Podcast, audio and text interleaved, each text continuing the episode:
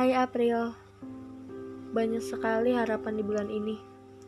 Semoga berkurang, semoga cepat hilang, semoga lekas sembuh. Ketika kamu, aku, kita sedang di rumah saja. Anggap saja lagi karantina. Semua pengen kembali ke kehidupan normal. Bukan kamu aja.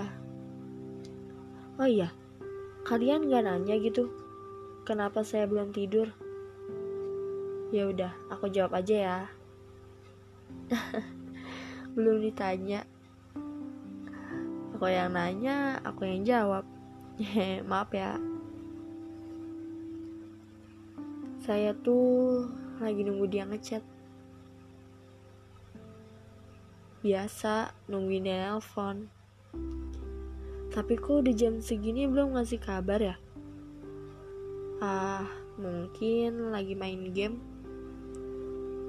Tapi kok online? Tunggu sebentar deh. Eh, sebentar ya. Ada notif.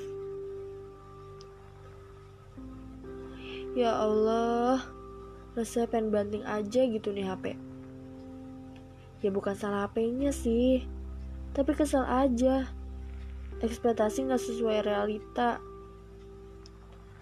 Aku barusan dapat kabar. Dia ternyata lagi deket sama yang lain. Mau marah tapi nggak ada hak. Aku siapanya dia? Emang sih bukan siapa-siapa. Tapi kenapa ya? Nyesek banget pas dengar kabar kayak gitu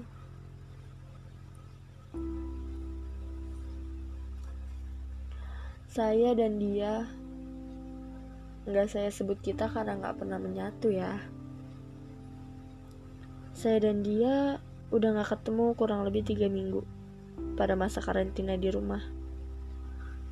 Dia semakin jauh, semakin jauh untuk dijangkau, semakin asing untuk diceritakan. Bukan, bukan, bukan ini salahnya. Saya yang seharusnya nggak nyari tahu dan peduli dengan kehidupannya walaupun dia hancur itu bukan tanggung jawab saya. Saya memang takut kehilangan dia. Mungkin semua orang takut kehilangan. Saya selalu jaga perasaannya padahal ada perasaan yang lebih penting dari itu. Perasaan yang saat ini akan saya selamatin dan dan dan saya memilih untuk pergi. Saya cuma kepikiran, kenapa dia nggak menghilang dan kasih jawaban tidak sejak awal? Kenapa dia nggak, kenapa dia nggak ngelakuin hal buruk gitu sama saya, agar saya benci sama dia?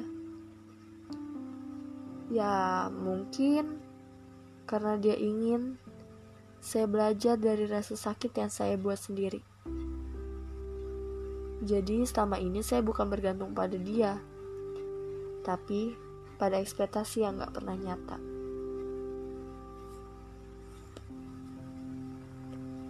Karena mungkin saya bukan kehilangan dia, tapi kehilangan diri saya. Angan-angan yang saya ciptakan dan sampai menciptakan dia sebagai sosok jahat gitu. Padahal saya juga yang buat tokohnya. Banyak orang yang merasa terpuruk, merasa hancur ketika ditinggal orang yang dia sayang. Kalau dipikir, bukan salah dia yang pergi, salah kita yang ngasih dan naruh segalanya sampai yang tersisa buat kita itu nggak ada. Kita memang sering menjaga sesuatu yang bukan milik kita. Makanya, pas diambil tiba-tiba, kita nggak terima. Merasa kehilangan padahal nggak ada hak di dalamnya. Mungkin kehilangan bukan hanya merelakan, tapi memaafkan.